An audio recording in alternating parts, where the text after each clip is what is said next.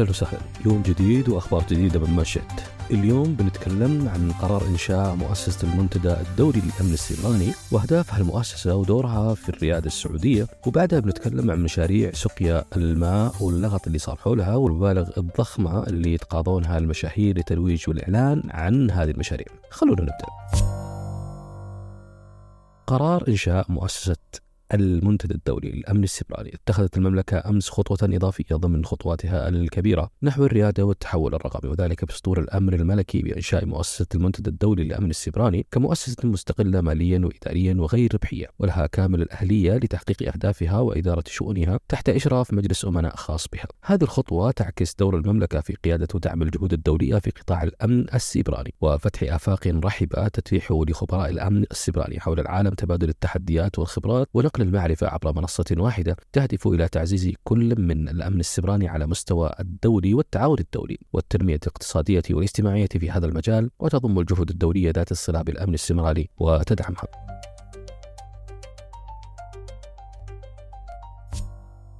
مشاريع سقيا الماء واللغط المثار حولها روح عملنا بريق شاي اكرك عجم على كيف كيفه الأيام الماضية غرد الفنان فايز المالكي عدة تغريدات أثارت الجدل حولها وكتب في التغريدة الأولى من وجهة نظري يفترض بعض الجمعيات اللي تقدم سقيا ماء إفطار صائم أو أي عمل خيري يعلن عن مشهور بمقابل مادي يفترض أن يكتب هذا إعلان. أتمنى من وزارة التجارة متابعة مثل هذه التصرفات. وقال تكمل الكلام يا ناس عندكم منصة إحسان فيها كل خير وكل تبرعاتكم تروح لكل مستحق بدون إعلان وادفع هنا وهناك. وقال بعدها إنه جاني إعلان قيمته 3 مليون ريال فيه تالي إفطار صايم سقيا ماء وقف خيري أسوي لهم إعلان ب 3 مليون. تم الإبلاغ عنه ولله الحمد لكن أسألكم بالله 3 مليون بدل ما تروح للمحتاج لوجه الله باي حق تدخل حسابي. وختمها بالتغريدة اللي نالت على التفاعل الأكبر وقال إذا شفتوا أي مشهور بين المعتمرين والحجاج وفي مكة ويعلن عن وقفه أو سقيا أو إفطار صايم أو وقف خيري اعرفوا جيدا إنه صاك مليون ريال وأنتم تدعمون تدفعون يا اخوان في منصات حكومية ادفعوا من خلالها منصة إحسان وانتبه لتبرع. التغريدة الأخيرة تحديدا تباينت الآراء حولها بين اللي شافوا إنها فيها تصعيد غير مبرر مثل الناشط نايف مدخلي اللي معروف باسم نايفكو واللي اعتبرها دخول بنوايا الناس مثل المدون التقني ماجد العلكمي رد وقال هل سيكون نفس كلامك لو كنت معلن لتلك الجمعيات ولا راح يكون الكلام غير؟ فايز نحترمك ونجلك ونقدرك على ما تقوم به من جهود لكن إذا كان هناك مشكلة بينك وبين المشاهير تعلن للجهات أو الجمعيات اللي تعمل تحت مظلة الدولة يحفظها الله فنحن ليس لنا علاقة بأي مشكلة بينك وبينه. وفي ناس شافوا إن هذا اللي قاله فايز المالكي هو نوع من توعية الناس مثل المغرد علي آل صديق اللي قال إنه السؤال المهم اللي يدور في ذهن أي متبرع هل اللي ادفعه للجمعيه يذهب للفقراء والمساكين أم هو قيمة إعلان تذهب للمعلن المشهور والحديث عن حصول المشاهير على مقابل إعلانهم للجهات الخيرية مو شيء جديد فسبق وظهر عبد الرحمن المطيري في حوار واضح ووضح أيضا إنه في أصل مقابل على الإعلان لهذه الجهات من قبيل والعاملين عليها. ولا فيها مجال المناقشة. العمل العمل الخيري الجمعية العاملين عليها يأخذون مبالغ. أنا يوم أعلن لك كم بيجيك المردود؟ طيب والعاملين عليها وين؟ فيك حصبت؟ لأني أنا أطلع من السالفة ذي وأنت ترجع لها. تبيها غصب سالفه لا أنا لأن عندي شوف أنت من الناس دائما تتكلم عن الإيجابية. فالناس تشوفك تغطي مثلا جمعية تغطي كذا. بعرف إنه الموضوع أنا أغطي بفلوس يدرون حسب اني أطلع وزارات أنا ببلاش أغطي؟ يدرون الناس إنك تغطي بمبلغ كلنا معروف. إيه بس أنا أتكلم عن جمعية ووجهت يعني بينت لي وجهة نظر إنها مهمة عندي. لا لا الجمعيات عندي بعد إعلان جمعية السبت هذا بمبلغ محول المبلغ بعد بس. خيرية. اي خيرية. اي حلو. اي يعني هي بس هذا اللي بيه ترى. إيه أنا معك ترى في صفك في الكلام. إيه شغل جمعيات خيرية يعطوني ميزانية 700 هي ما هي في سالفة صفك ولا صفك أساسا من اللي يعارض؟ لا في ما في أحد لا في ناس تطلع في تويتر في كل مكان يقول لك عمل خيري وهو ماخذ أجر. يعني مو بخيري. لا لا أنت أنت عندي أنا مثلا بحقق مثلا وقف. قدره نقول مليون ريال. آه، أنا يوم أعلن لهم وصلوا المبلغ مثلا نص المبلغ وصلوا ربع المبلغ. كيف وصلته؟ بالاداه هذه. ما هو بزود فيه ولا هذا بدات Snap وأنت ما فتحت Snap الاسترزق فأنا يوم وصلت لك المبلغ هذا لي نسبتي الناس تدري إن كله ان هذا بياخذ نسبته بس ما هو من الصدقات الناس ولا من تبرعات الناس. أخذ من الجمعية. لكن اليوم نطرح في مانشيت إنه هل مشاريع سقيا الماء من جد ضرورية في هذا الزمن؟ خاصة إنه إذا عرفنا إنه في عبء ثقيل تتركه العبوات البلاستيكية على العمال التنظيف بشكل عام واللي وصل عددها في أحد المواسم السابقة في موسم حج طبعا قرابة 70 مليون عبوه وأمانة منطقة العاصمة المقدسة جهزت أكثر من 220 نقطة لبرادات المياه النقية في كل مشعر من المشاعر وهنا سألنا الأستاذ أسامة الزيتوني المتحدث باسم أمانة العاصمة المقدسة عن خطر التوزيع العشوائي لسقي الماء والجهود اللي تبذلها الأمانة في هذا الموضوع. وقال كما نعلم أن الماء ثروة طبيعية وهبها الله سبحانه وتعالى للبشرية وهو ضروري للحياة وبدونه لا يمكن أن تستمر. من هنا فقد حرصت حكومة المملكة العربية السعودية على توفير وتسخير كافة الإمكانيات لراحة حجاج بيت الله الحرام والمعتمرين ومنها توفير المياه العذبة النقية فأنشأت في ذلك محطات ضخمة لتحلية المياه وذات تقنيات عالية وأنشأت كذلك في مكة المكرمة والمشاعر المقدسة عدد كبير من الخزانات ذات الطاقات الاستيعابية الكبيرة. بهدف توفير وتوزيع المياه على جميع الأحياء وحتى وصولها إلى يد الحاج بطرق صحية وآمنة. فما أحرانا أن نكون ملتزمين بالمحافظة على هذه الثروة وحضاريين في استهلاكنا للمياه خاصة وأن ما قد يهدره الشخص ربما يكون هناك شخص آخر في حاجة ماسة إليه. كما أن العبث والتبذير بالمياه ظاهرة غير صحية ومنافية للخلق القويم وهي مشكلة يشترك في مواجهتها كل فرد فهي ثروة أنفقت عليها حكومة المملكة أموال طائلة. أضف إلى ذلك أن الهدر قد يشكل مشكلة بالنسبة لأمانة العاصمة المقدسة التي تسعى إلى تحقيق أعلى مستوى من النظافة وصحة البيئة وإبعاد ما يمكن أن يشكل خطر أو تلوث بيئي خاصة خلال الفترة التي يمكن أن يتواجد فيها ما يقارب 3 ملايين شخص في مكان واحد. ومن المعروف أن هدر المياه قد ينتج عنه كميات كبيرة من النفايات البلاستيكية التي تشكل ضررا على الإنسان والحيوان والنبات وهو ما يتطلب بذل جهود مضاعفة من أجل تفادي هذه المخاطر. وقد خصصت الأمانة عدد كبير من الكوادر المدربة والآليات والمعدات ذات التقنيات العالية للقيام بإزالة النفايات أولا بأول. هناك ما يقارب من 13 ألف عامل نظافة سيكونون متواجدين في المشاعر المقدسة للقيام بهذه المهمة. منهم حوالي ألف عامل تم تخصيصهم فقط لمنطقة جسر الجمرات. خصصت الأمانة أيضا عدد كبير من الصناديق الكهربائية الضاغطة للنفايات تستوعب في مجملها أكثر من 1200 طن من النفايات. هناك كذلك ما يقارب من حوالي 60 ألف حاوية منها 2500 لمنطقة جسر الجمرات. جميع هذه الآليات والمعدات والكوادر البشرية تبذل جهود كبيرة من أجل إزالة النفايات والمخلفات خاصة النفايات البلاستيكية التي قد تنتج بسبب إهدار المياه وقد تشكل ضررا عاليا على البيئة.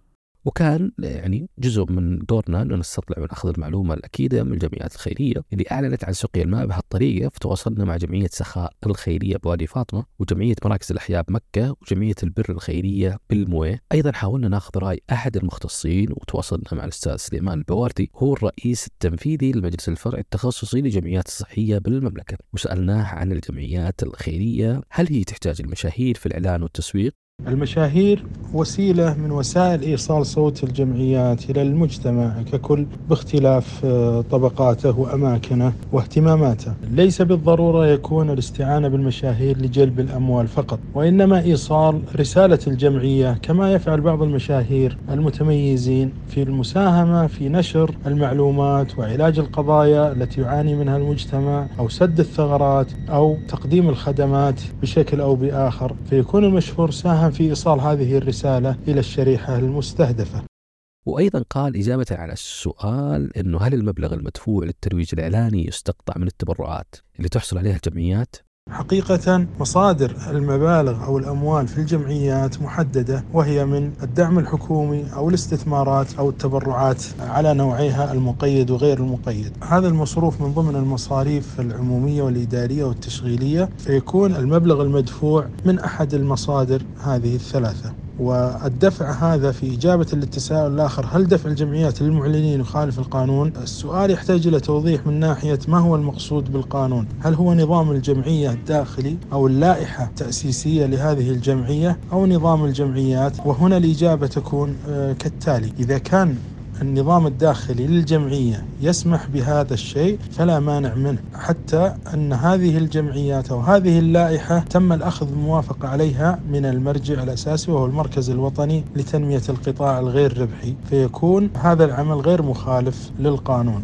وردا على سؤالنا عن حاجة المشاعر المقدسة والحجاج الفعلية لشغل المياه وقال إذا قام جميع المسؤولين عن الحجاج بمهامهم بالشكل الصحيح ربما لا يحتاج الحجاج في المشاعر إلى مشاريع سقيا الماء. ولكن عندما يكون مثلا المسؤول عن الحملة أو المطوف يقدم الوجبات معها سقيا الماء أو المشروبات اللي يحتاجها الحاج في التنقل بين المشاعر هنا يصعب عليه تنفيذ هذا. وجهة نظري أن مشاريع السقيا في الحج لها حاجة ولكن بترتيب وتنسيق عالي وبدرجة احترافية. ختاما أكيد ما يخفى على أي شخص منصة إحسان هي المنصة الرسمية الوحيدة للتبرعات والأكثر موثوقية وسرعة فإذا كنت رايح تتبرع دائما تحاول أنك تختار الجهة الأكثر أمان ويعني تحاول تحط فلوسك في المكان اللي تتوقع أو تظن بشكل أكبر أنها توصل للناس بشكل كبير.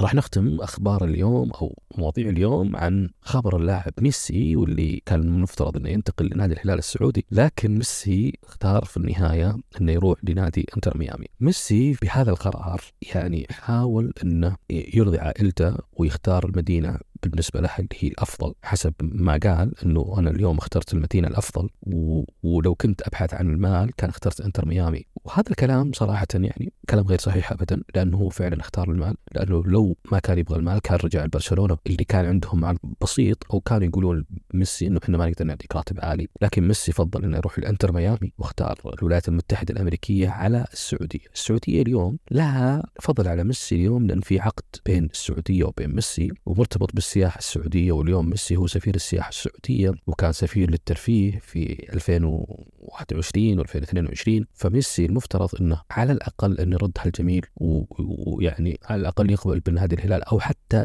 يترك يعني تعليق إيجابي تجاه العرض السعودي اللي قال عنه إنه أنا لو بحثت عن المال كان رحت لنادي الهلال وهذا غير صحيح ابدا لأنه هو فعلا يوم راح إنتر ميامي هو كان يقصد إنه يروح للمال. لكن عموما الدوري الأمريكي معروف إنه يعتبر من أضعف الدوريات يعني على مستوى العالم ولا يصنف أكثر. ولا حتى من 20 دوري على مستوى العالم. وذهاب ميسي لانتر ميامي اللي تأسس عام 2018 يعني ما له خمس سنوات النادي فأكيد إنه راح يكون في نادي متواضع جدا. وهذه النهاية الحزينة للاعب أسطورة يعتبر على مستوى العالم إنه يروح في دوري مغمور جدا ويبحث عن نفسه هناك. فأعتقد إنه يعني قرار في النهاية هو اللي يتحمله ومن هنا تجي مطالبة كبيرة يعني اليوم في في, في تويتر في في كثير من المغردين يمكن إنه نصنف هذا الموضوع من نقطة انفعالية لكن في وجهة نظر مرة قوية إنه ميسي اليوم اللي فرط في عرض السعودية وهو أصلا سفير السياحة للسعودية فمن غير المنطق ابدا إنه هو اللي يروج للسعودية أو للسياحة السعودية وهو رافض إنه يجي ويعيش في السعودية. فكثير قالوا إنه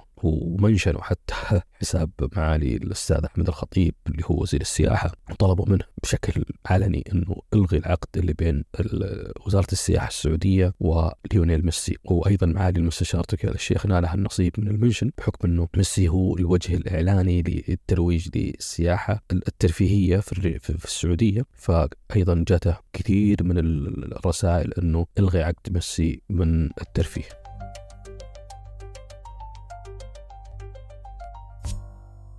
هذه أخبارنا وأبرز المواضيع اللي نطرحها اليوم وبعد هالجولة خلونا نستعرض أهم الفعاليات في مملكتنا الحبيبة خلال إجازة الأسبوع. الملتقى الطبي التجميلي بالرياض يستقبل اليوم آخر زواره، والأسبوع السعودي للحرف بنان يستمر في فعالياته المميزة وفي الباحة وفي حديقة الحجاز تحديدا تنطلق يوم السبت القادم البطولة المفتوحة للدواثلون، وأخيرا في طائفة الولد تنطلق يوم السبت فعاليات سباق المفاريد الذي ينظمه الاتحاد السعودي للهجن وإلى هنا وصلنا ختام منشيت موعدنا معكم الاحد نشوفكم على خير.